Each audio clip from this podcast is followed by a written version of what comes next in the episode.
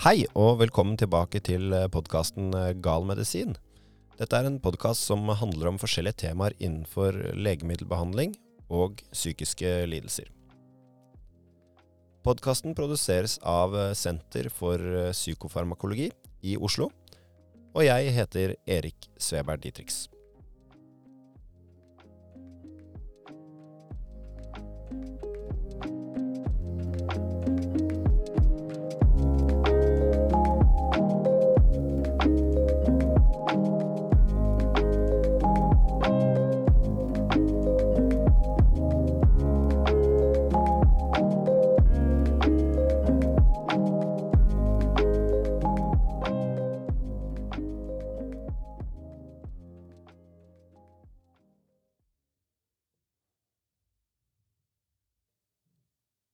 Den 19. juni 1940 ble en 46 år gammel mann gitt en sprøyte med bedøvelsesmiddelet pentobarbital før han ble dekket med is og spesiallagde tepper med kjølevæske.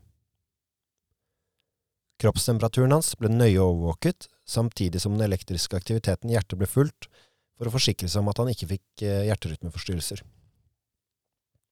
16 timer etter at behandlingen var startet, var kroppstemperaturen i underkant av 29 grader celsius altså åtte grader lavere enn den normale på 37.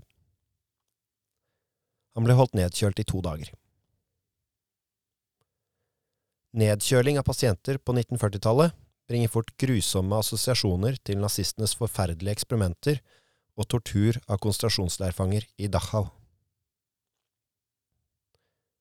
Denne 46 år gamle mannen befant seg imidlertid ikke i Nazi-Tyskland. Han var innlagt på McLean-sykehuset i Massachusetts, USA. Ni år tidligere hadde han for første gang blitt innlagt på sykehuset, og ble i hovedsak værende der helt til denne junidagen i 1940. Etter tre år som pasient, i 1934, fikk han diagnosen eh, schizofreni. Tilstanden hans ble ansett for å være veldig alvorlig, og i 1938 ble han flere ganger forsøkt behandlet med insulinsjokk, en behandling som også ble brukt i norske sykehus. Når pasientene fikk insulinsjokk, så var de fastende og fikk sprøyter med store mengder insulin. Dette førte til at eh, blodsukkeret falt raskt, og pasienten falt i koma. De ble holdt bevisstløse i opptil en time. Dessverre hadde dette ingen god effekt på 46-åringen. Hans mentale helse ble, etter rapportene, verre etter insulinbehandlingen. Samtidig vurderte behandlerne at hans fysiske helse var god. Blodtrykket var normalt, vekten var ok, og det var ingen unormale funn ved undersøkelse av urin og blodprøver. Derfor mente legene at han var en god kandidat for hypotermibehandling. Hypotermi er nedsatt kroppstemperatur. En person er hypoterm eller nedkjølt når kroppens kjernetemperatur, altså temperaturen inni i sentrum av kroppen, enten i hjernen eller hjertet eller i de indre organene, er lavere enn 35 grader celsius.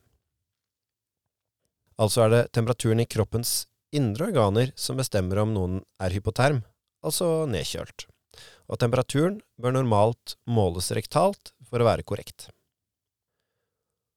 Hos pasienter under intensivbehandling kan kroppstemperaturen måles i spiserøret eller blæren, Hypoterme celler har tregere stoffskifte enn varmeceller, og derfor kan kalde hjerneceller overleve mangel på blodforsyning over lang tid. Derfor finnes det eksempler på at mennesker som har blitt nedkjølt etter en ulykke, f.eks. ved å falle på havet, har overlevd opp mot syv timer med hjertestans uten å bli hjerneskadet. Kalde, livløse personer skal derfor alltid ha vanlig førstehjelp og varmes opp på sykehus.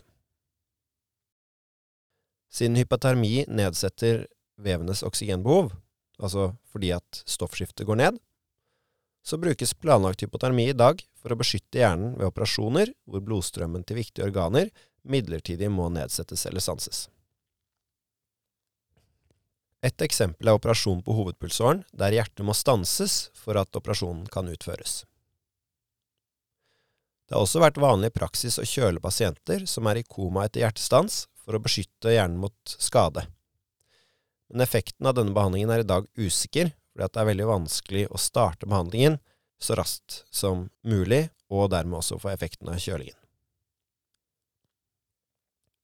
Tidligere trodde man at hypotermibehandling kunne hjelpe mot langt flere tilstander enn det vi tror i dag. Det er eksempler på at kreftpasienter ble kjølt helt ned mot ni grader for å ta knekken på kreftcellene. De overlevde til og med oppvarmingen. Men i dag så vet vi at dette ikke hadde noen effekt på kreften. Langvarig hypotermi ble antatt å være gunstig i behandling av andre lidelser også. Noen pasienter kunne bli holdt kalde i sju dager. På denne tiden manglet gode medisiner i behandlingen av schizofreni. Man hadde forsøkt å gi pasientene langvarig søvn med sovemedisiner, uten positiv effekt.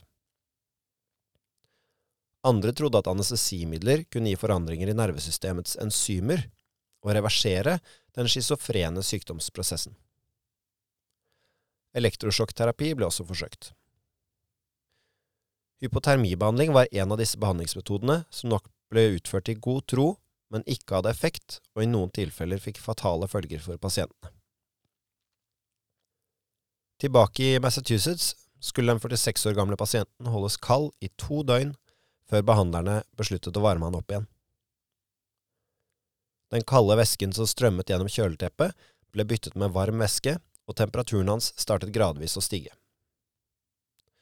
Plutselig skiftet huden farge. Pasienten ble blå og begynte å gispe etter luften. Det var ikke lenger mulig å måle puls på håndleddet. Det var ingen tvil om at hjertet var i ferd med å svikte, og til slutt stanset det helt. Hjerte-lungeredning, som ikke ble funnet opp før 20 år senere, var ikke et alternativ. Derfor forsøkte legene å redde pasientens liv med de remediene de hadde tilgjengelig. 46-åringen fikk injeksjoner med natriumklorid, koffein og efedrin, men uten effekt. En time senere ble gjenopplivningsforsøkene avbrutt. Til tross for risikoen pasientene ble utsatt for, stoppet ikke behandlingsforsøkene med hypotermi opp. 17 år senere, altså i 1957, ble det publisert en studie på 13 pasienter som alle hadde blitt behandlet med hypotermi mot schizofreni. Alle 13 hadde vært innlagt på psykiatrisk sykehus i minst to år. Seks av dem hadde vært innlagt i over 16 år. Alle disse pasientene ble regnet som umulig å helbrede. Ti av dem hadde fått behandlingsforsøk med elektrosjokk og var også blitt lobotomert. Resultatet av studien var nedslående. Ingen av de 13 pasientene fikk en bedring av sin sykdomstilstand som gjorde at de kunne skrives ut av sykehuset.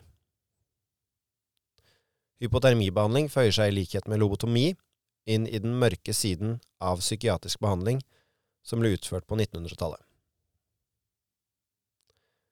Sammenlignet med lobotomi fikk nok ikke hypotermibehandlingen like alvorlige langtidsfølger for pasientene som overlevde behandlingen men samtidig hadde heller ikke behandlingen noen positiv effekt for pasientene. Snart kom eh, antipsykotiske legemidler på markedet og gjorde hypotermibehandlingen helt overflødig. I dag er det tankevekkende å lese disse artiklene om forsøkene på å behandle schizofreni med kulde. I motsetning til eh, de forferdelige eksperimentene i Nazi-Tyskland var nok intensjonen med behandlingen god. Men hypotermibehandling av schizofreni står likevel igjen som en av flere skampletter i behandlingen av psykiatriske pasienter opp gjennom historien.